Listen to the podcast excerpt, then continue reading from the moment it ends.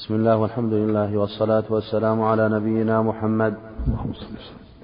قال الإمام مسلم رحمه الله تعالى حدثنا محمد بن مثنى العنزي قال حدثنا يحيى بن سعيد عن سفيان قال حدثنا قال حدثني أبي عن عن عباية بن رفاعة بن رافع بن خديج عن رافع بن خديج رضي الله عنه قلت يا رسول الله إنا لاقوا العدو غدا وليست معنا مدى.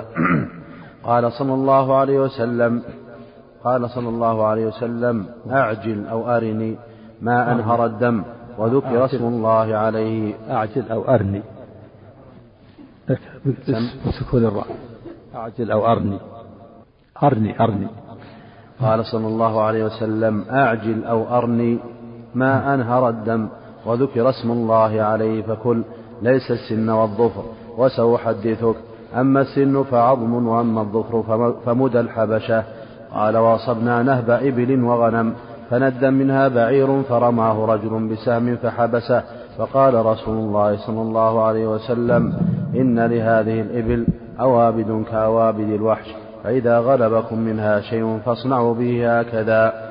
وحدثنا إسحاق بن إبراهيم قال أخبرنا وكيع قال حدثنا سفيان بن سعيد حدثنا سفيان بن سعيد بن مسروق عن أبيه عن عباية بن رفاعة بن رافع بن خديج عن رافع بن خديج رضي الله عنه قال كنا مع رسول الله صلى الله عليه وسلم بذي الحليفة بذي الحليفة من تهامة فأصبنا غنما وإبلا فعجل القوم فأغلوا بها القدور فأمر بها فكفيت ثم عدل عشرا من الغنم بجزور وذكر باقي الحديث كنحو حديث يحيى بن سعيد.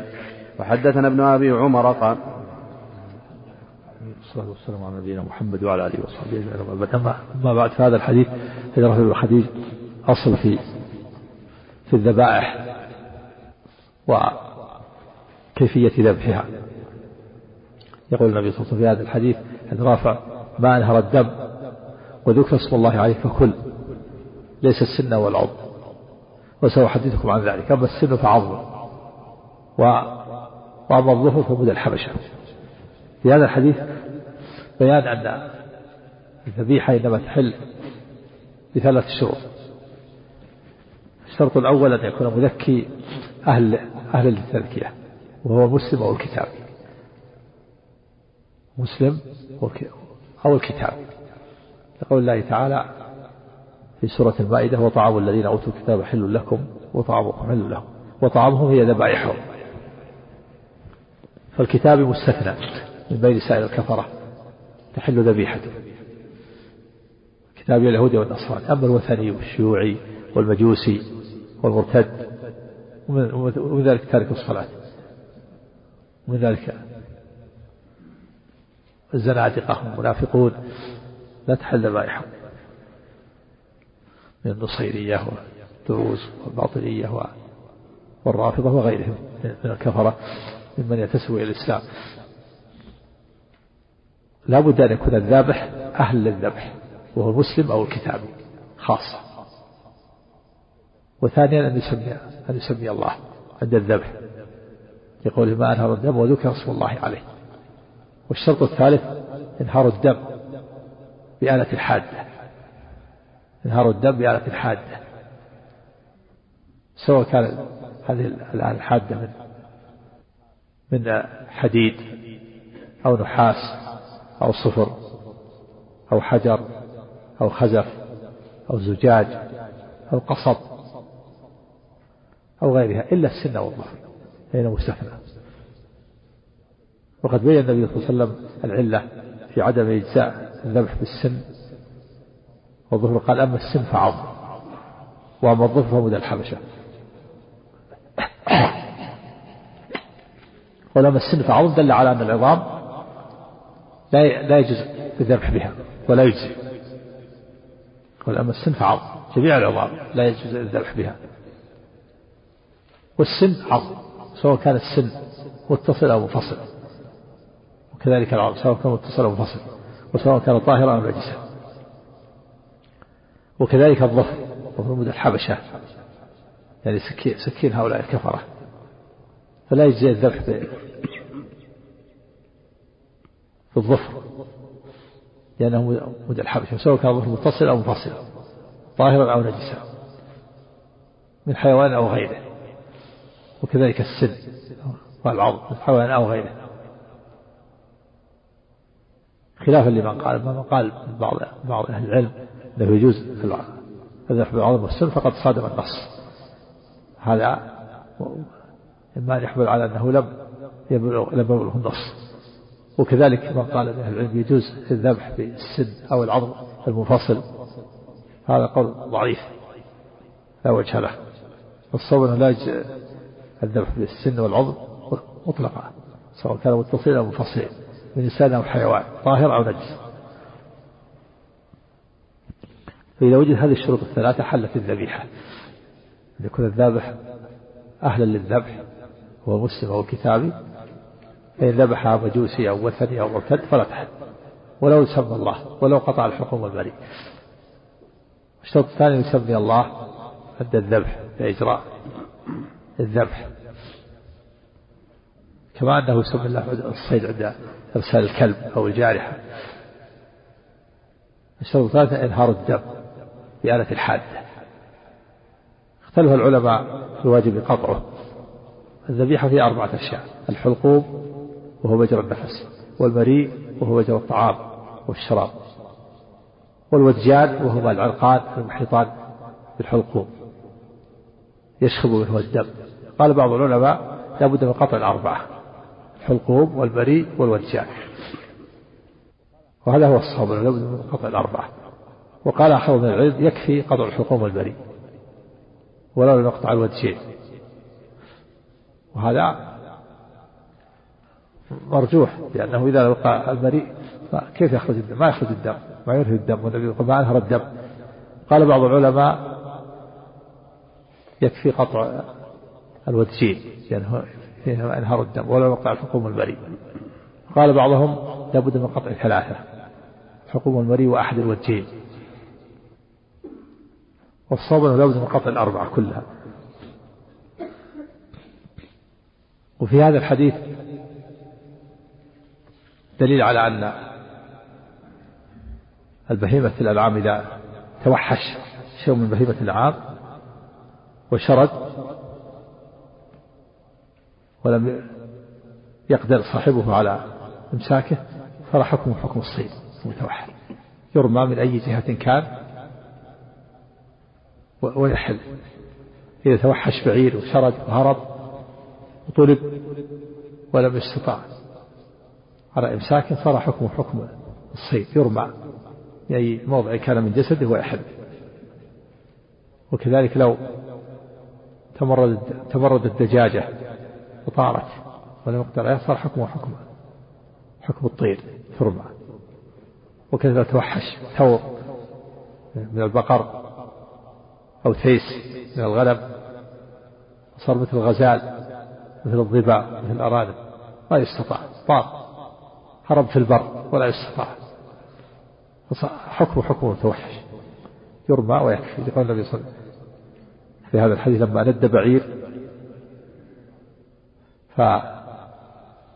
فرماه بعض الصحابة بسهم فحبسه الله. فقال النبي صلى الله عليه وسلم هذه بهيم أوابد كأوابد الوحش. يعني لها توحشا. فما رد منكم فاصنعوا به هكذا. والحق العلماء بذلك البعير مثلا إذا تردى في بئر وسقط في بئر ولم يستطع ذبحه هذا حكم البريء فإنه يربع في أي موضع من جسده ويكون حكم حكم حكم الصيد المتوحش. لأن كل منهما لا يقدر عليه. في هذه الحالة. وفي هذا إدراك لحليته وذبحه. وفي هذا الحديث أنهم أصابوا نهب إبل. نهب يعني منهوب يعني غنيمة. فطبخوا منها فأمر النبي صلى أن تكفى القدور وهي تغلي. وذلك لأنهم طبخوها بعد أن وصلوا البلد. قبل أن تقسم. وإنما تؤكل يؤكل من الغنيمة قبل قبل الوصول إلى البلد. أما إذا وصل البلد فلا. تقسم الغنيمة. أما قبل ذلك فلا بأس أن يؤكل من الغنيمة. ما يحتاجون إليه قبل القسمة. ولهذا أمر بها النبي صلى الله عليه وسلم فأكفئت وإن تفر باللحم وفيها النبي صلى الله عليه وسلم عدل كل بعير بعشر شياه شياه. وهذا في الغنيمة. وذلك لأن هذه الإبل جيدة. ثمنها يعادل عشر شياه فعدل كل بعير بعشر شياه. أما في الأضحية فكل بعير يعدل بسبع شياه في الأضاحي. وهذا هذا في الغنيمة غنيمة عدل كل بعير بعشر شياه. يعطيه بعير أو يعطي عشر شياه. إذا أعطى شخص بعير أعطى الثاني عشر شياه تقابل البعير. فأصبنا غنما وإبلا فعجل القوم فأغلوا بها القدور فأمر بها فكفئت ثم عدل عشرا من الغنم بجزور. نعم كفئت لأنهم تعجلوا وطبخوها في بعد أن وصلوا.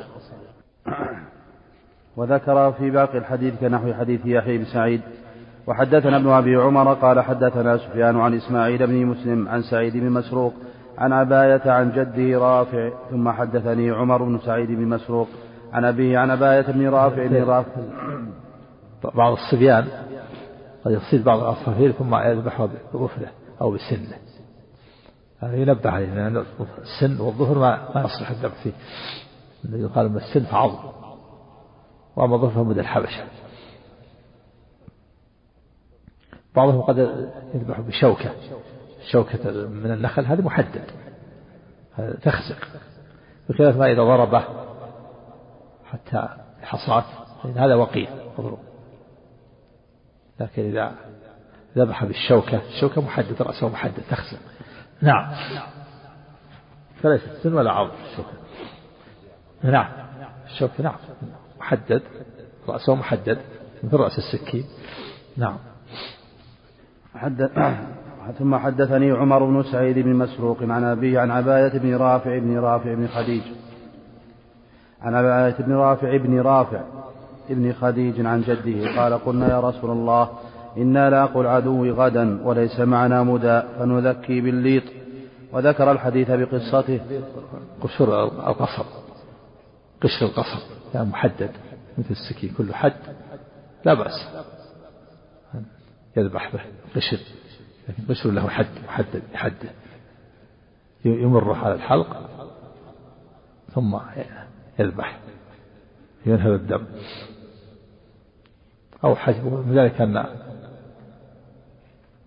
أن أن جارية كانت ترعى في عهد النبي صلى الله عليه وسلم خلف أحد فأدركت شاة بها الموت فكسرت حجرا من الجبل ثم ذبحته. صار محدد محدد ذبحته. فأجزى نعم. بحجر له حد أما إذا ضربه بثقلة قتل بثقلة هذا وقيل هذا مقولة لابد يكون له حد الحجر حتى يمر يمره على الحلق فينهر الدم. نعم.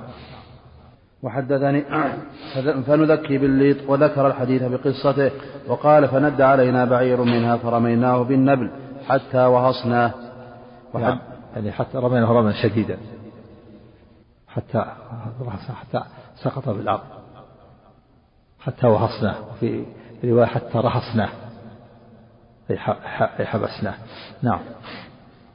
وحدثني القاسم بن زكريا قال حدثنا حسين بن علي عن زائدة عن سعيد بن مسروق بهذا الإسناد بهذا الإسناد الحديث إلى آخره بتمامه وقال فيه وليست معنا مدى أفنذبح بالقصب؟ وحدثنا وحدثنا محمد بن وليد بن عبد الحميد قال حدثنا محمد بن جعفر قال حدثنا شعبة عن سعيد بن مسروق عن عباية بن رفاعة بن رافع عن رافع بن خديج رضي الله عنه أنه قال يا رسول الله إنا لاقوا العدو غدا وليست وليس معنا مدى وساق الحديث ولم يذكر فعجل القوم فأغلوا بها القدور فأمر بها فكفئت وذكر سائر القصة. نعم وقاله ما أعجل أرني أو أرني. هذه اللفظة اختلف فيها. الأعجل أرني أرني بدون ياء وروي أرني بالياء وروي أرن أرن بكسر الهمزة وسكون الناء النون وهو بمعنى أعجل بمعنى أعجل. يعني أعجل أرني يعني أسرع في الذبيحة أسرع في ذبحها قبل أن تموت. بمعناه واحد. ضبطت اللفظة أرن أرن أرن أو أرني أو أرني أرني بالياء أو أرني بنون بدون كسرة أو أرن بسكون النون وكسر الراء. بمعنى أعجل نعم. بنون بدون كسرة أو أرن بسكون النون وكسر الراء. بمعنى أعجل نعم. كفيات لأنهم ذبحوها قبل بعد وصول البلد أحسن عليه ظاهر ظاهر نعم أنه بعد وصول البلد ما ليس له حق فيها نعم. حدثني عبد الجبار بن عبد تكلم هذا عليه تكلم عليه. إيه تكلم على قل لا قول قوله ذبحوا عجلوا فذبحوا. فأمر بهم فأكفئت القدور. قال معنى كفيت أي قربت وأريق ما فيها وإنما أمر براقتها لأنهم كانوا قد انتهوا إلى دار الإسلام. والمحل الذي لا يجوز فيه الأكل من مال الغنيمة المشتركة فإن الأكل من الغنائم قبل قسمة إنما يباح في دار الحرب. وقال مهلب بن أبي صفرة المالكي إنما أمروا بإكفاء أمروا أمروا بإكفاء القدور عقوبة لهم من استعجالهم في السير وتركهم النبي صلى الله عليه وسلم في أخريات القوم. متعرض قيل أنهم لأنهم وصلوا البلد وقيل لأنهم استعجلوا قبل مجيء النبي صلى الله عليه وسلم في أخرة القوم. إشكال ما تكلم عليه؟ يعني إما أنهم لأنهم استعجلوا بعد وصول البلد أو لأنهم استعجلوا قبل مجيء النبي صلى الله عليه وسلم في آخر القول. نعم. لكن هنا أحسن نعم. هذا المعنى واحد. هذا من من اللي ذكر هذا؟ ها؟ إيه. شو يقول لأنه إيش؟ يعني هذا كلام النووي. نقل عن النووي. نعم. الله. قوله حليفة هنا مكان من تهامة بين حادة بين حادة وذات عرق وليس ذي الحليفة التي هي ميقات المدينة. يعني هكذا ذكره الحازم. مكان آخر مكان آخر. مكان آخر. نعم. نعم. حدثني عبد الجبار بن عبد العلاء قال حدثنا سفيان قال حدثني الزهري عن أبي عبيد قال شهدت العيد مع علي بن أبي طالب رضي الله عنه فبدأ بالصلاة قبل الخطبة وقال إن رسول الله صلى الله عليه وسلم نهانا أن نأكل من لحوم نسكنا بعد ثلاث. حدثني وهذا في دليل على الخطبة الصلاة قبل الخطبة يوم العيد وأن الصلاة تقدم. بخلاف الجمعة فإن الخطبة قبل الصلاة. وأول من قدم خطبة العيد على الصلاة مروان بن الحكم فأنكر عليه بعضهم. قال الصلاة قبل الخطبة فقال إن الناس لا يجلسون لنا. فقال أبو سعيد أما هذا فقد قدم عليه قد أدم عليه يعني أنكر المنكر. فالسنة الصلاة قبل الخطبة. نعم. وقال إن رسول الله صلى الله عليه وسلم نهانا أن نأكل من لحوم نسكنا بعد ثلاث. نسكنا يعني الرحيل. بعد ثلاثة أيام التشريق ثلاثة. كما سيأتي هذا سببه. وجود الفقراء الذين جاءوا إلى المدينة فأمرهم النبي صلى الله عليه وسلم ألا يدخروا من اللحوم فقط أيام حتى يتصدقوا على الفقراء نجد الدافة التي دفت. ثم بعد ذلك من العام القادم أمرهم النبي قال كلوا وادخروا قال إنما نهتكم من أجل الدافة. نعم. ها؟ إيه. لا على كل حال الحديث ثابت من طرق. هذا ثابت من حديث علي وجابر وأبي سعيد وغيره من طرق متعددة. حديث النهي عن الدخل الله فوق ثلاث. نعم. حدثني حرملة بن يحيى قال أخبرنا ابن وهب قال حدثني يونس عن ابن شهاب قال حدثني أبو عبيد مولى ابن, ابن أزهر أنه شهد العيد مع عمر الخطاب رضي الله عنه قال ثم صليت مع علي بن أبي طالب رضي الله عنه قال فصلى لنا قبل الخطبة ثم خطب الناس فقال إن رسول الله صلى الله عليه وسلم قد نهاكم أن تأكلوا لحوم نسككم لحوم نسككم فوق ثلاث ليال فلا تأكلوا وحدثني زهير بن حرب قال حدثنا يعقوب بن إبراهيم قال حدثنا ابن أخي ابن شهاب وحدثنا حسن حلواني قال حدثنا يعقوب بن إبراهيم قال حدثنا أبي عن صالح حاء وحدثنا عبد بن حميد قال أخبرنا عبد الرزاق قال أخبرنا معمر كلهم عن الزهري بهذا الإسناد مثله. وحدثنا قتيبة بن سعيد قال حدثنا ليث حاء وحدثني محمد بن رمح قال أخبرنا الليث عن نافع عن ابن عمر رضي الله عنهما عن النبي صلى الله عليه وسلم أنه قال لا يأكل أحد من لحم أضحيته فوق ثلاثة أيام. وحدثني محمد بن حاتم قال حدثنا يحيى بن سعيد عن ابن جريج حاء وحدثني محمد بن رافع قال حدثنا ابن أبي فديك قال أخبرنا الضحاك يعني ابن عثمان كلاهما عن نافع عن ابن عمر رضي الله عنهما عن النبي صلى الله عليه وسلم بمثل حديث الليث. وحدثنا ابن أبي عمر وعبد بن حميد. قال ابن أبي عمر حدثنا وقال عبد أخبرنا عبد الرزاق. قال أخبرنا معمر عن الزهري عن سالم عن ابن عمر رضي الله عنهما أن رسول الله صلى الله عليه وسلم نهى أن تؤكل لحوم الأضاحي بعد ثلاث. قال سالم فكان ابن عمر لا يأكل لحوم الأضاحي فوق ثلاث. وقال ابن أبي عمر بعد ثلاث. حدثنا إسحاق بن إبراهيم الحنظلي قال أخبرنا روح قال حدثنا مالك عن عبد الله بن أبي بكر عن عبد الله بن واقد رضي الله عنه قال نهى رسول الله صلى الله عليه وسلم عن أكل لحوم الضحايا بعد ثلاث قال عبد الله بن أبي بكر فذكرت ذلك لعمرة فقالت صدق سمعت عائشة رضي الله عنها تقول دف أهل أبيات من أهل البادية حضرة الأضحى زمن حضرة حضرة. فتح الحاء وضمها وكسرها. حضرة الأضحى وحضرة الأضحى وحضرة الأضحى.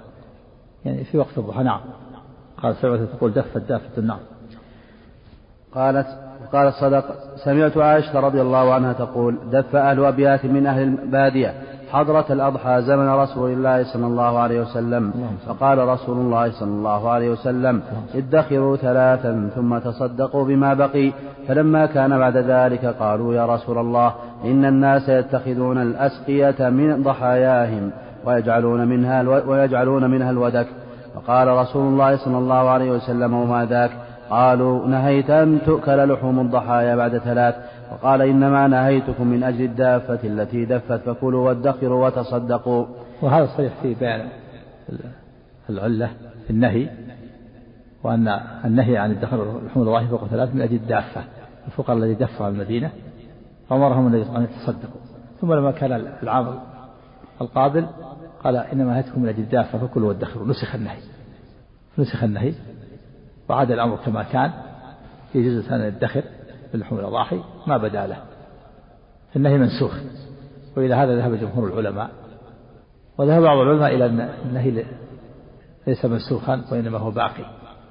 وهذا مروي عن علي وابن عمر رضي الله عنهما.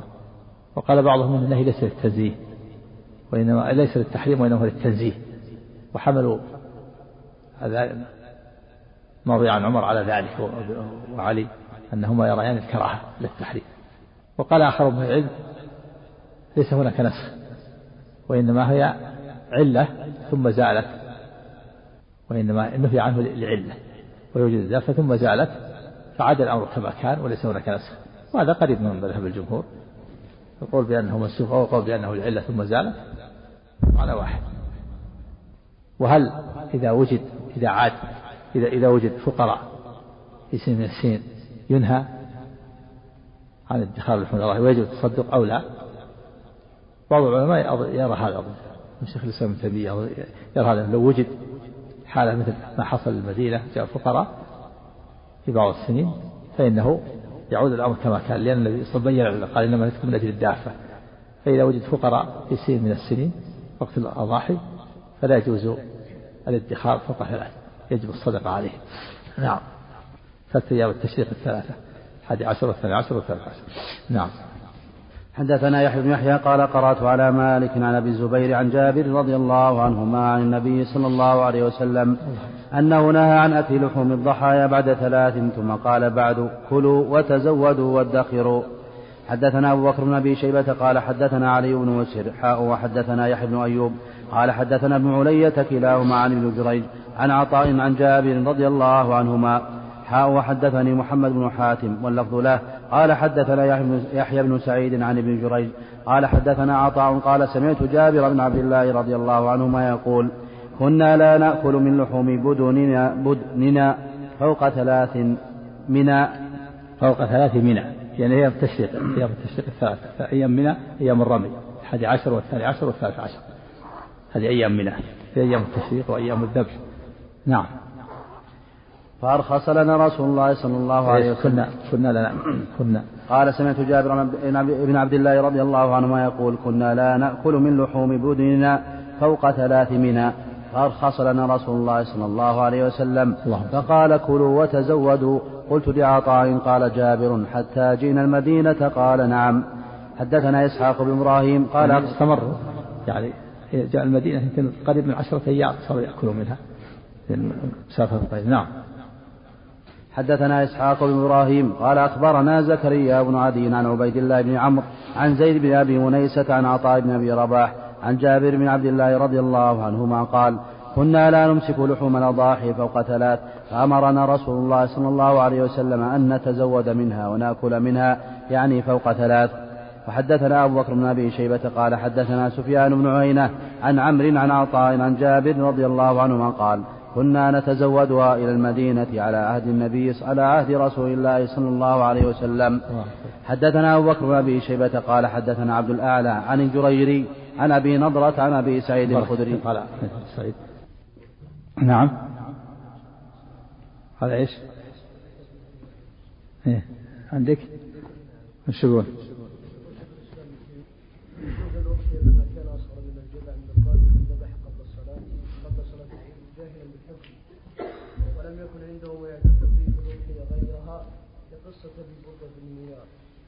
صار قيد بشيئين شيء قيد بشيئين أن يكون آه، جاهلا وأن لا يجد غيرها.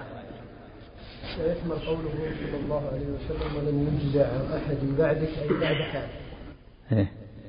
هذا اختيار الشيخ الإسلام أنه يجوز أن يضحي بالجدع بشرطين. الشرط الأول لا يجد غيرها والشرط الثاني يكون جاهل. ذبحها جاهلا في الحكم و ولا يجد غيرها. أول قول تجزي عن أحد بعدك إيش؟ قال حفظك الله ويحمل قوله صلى الله عليه وسلم. نعم. نعم ولم يجزي عن أحد بعد هذا الحديث بعد حال على كل حال الشيخ الإسلام إمام له اجتهاد ولكن هذا مرجوح قول مرجوح. يجزي عن أحد بعد عن حالك هذا تأويل مع جلالة قدر الإمام الشيخ الإسلام تيمية رحمه الله لكن كما قال النبي صلى الله عليه وسلم كل يؤخذ من قوله ويرد إلا رسول الله صلى الله عليه وسلم. جلالة قدره وإمامته فهذا القول الذي ذهب إليه مرجوح رحمه رحمه الله. والصواب أنها لا تجزي يعني صريح لا تجزيك ولن تجزي على أحد بعدك هذه خصوصية. أما إذا ذبح الإنسان جاهل وليس عنده غيرها هو معذور مع الأضحية ما هي بواجبة ليست بواجبة. إنسان جاهل ثم ذبح جذعه وليس عنده غيرها نقول على نيتك صدقة من الصدقات والحمد لله وأنت لا ليست الأضحية واجبة عليك. ما هي بواجبة؟ حتى ولو كان موسر فكيف إذا كان معسر وجاهل أيضا؟ نعم. نعم. الأضحية؟ يقسم المشروع عند أهل العلم يقسمها ثلاثة يتصدق بالثلث ويأكل الثلث ويهدي الثلث. وكذلك الهدي. هذا هو الأفضل. وكذلك العقيقة. وين صدق بعض العلماء قال بالنصف. صدق بالنصف. وإن تصدق بكثير منها أو تصدق بها كلها فلا حرج. العقيقة بعضهم يعملها يطبخها كلها العقيقة لا بد تصدق بشيء لا حرج. الأمر في هذا واسع. إذا عزم عليها. ينظر ما هو الأرفق به والأنفع الفقير. وإن كان الأرفق به أنه يجمع الأقارب ينبغي أن يكون بعض الفقراء أو يوزعها. قطعها ووزعها الأمر في هذا واسع. نوع مع العقيقة قال العلماء لابد تصدق بشيء منها. قالوا أقل شيء تصدق بقدر أوقية. الأوقية قليل مقدار العصفور. قال وإن أكلها إلا أوقية ضمنها يضمن يشتري لحم ويتصدق بقدر الأوقية. لو أكلها كلها. لا بد يعطي شيء من الفقراء نعم. حرصهم على إيش؟ لا يجمعون يجمعون الغاية مع الناس ما بيأخذون لهم أنفسهم. جمع الغاية يجمعون يجمعونها ثم بعد ذلك تقسم كل واحد يأخذ لنفسه هي مثلا نهب جمع. يجمعون جمع جمع يجمعونها ثم يتولاها النبي صلى الله عليه وسلم. لا ما أحد يأخذ. ما أحد يأخذ. غلول هذا غلول قبل قسمته. إلا من آه، نفله النبي صلى الله عليه وسلم. من نف من نفله هذا شيء. نعم. الأصل لا يأكل. الأصل أن تكون للفقراء هذا الأصل. الأصل إذا كان له نية حسب نيته يجمع الفقراء الأقارب والجيران فله نية. وإن لم يكن له نية كانت الفقراء. نعم. نعم. لا. حلف هذا الأقرب أنه حلف. العهد هو الحلف. نعم. كفارة يمين. الأقرب كفارة يمين. الأقرب من العهد يمين. عهد الله. نعم. نعم. نعم. إيه. التسمية قلنا مرة في في أقوال لأهل العلم. مرة في الذبائح إذا تركها. القول الأول أنها تحل مطلقا والقول الثاني أنها لا تحل مطلقا ومعنى مطلقا ترك سواء تركها نسيانا أو جهلا أو عمدا. إذا تركها مطلقا نسيانا أو جهلا عمدا تحل عند الشافعي والجماعة. القول الثاني أنها إذا تركها نسيانا نسيانا أو عمدا أو جهلا لا تحل. وهذا مذهب الظاهرية. القول الثالث الوسط قول الجمهور أنه إذا تركها نسيانا ويقاس عليه الجهل حل وإن ترك عمدا لم تحل. هذا أرجح الأقوال. شرط شرط إذا كان عبدا نعم. المسألة فيها الأقوال الثلاثة اللي سمعت. نعم.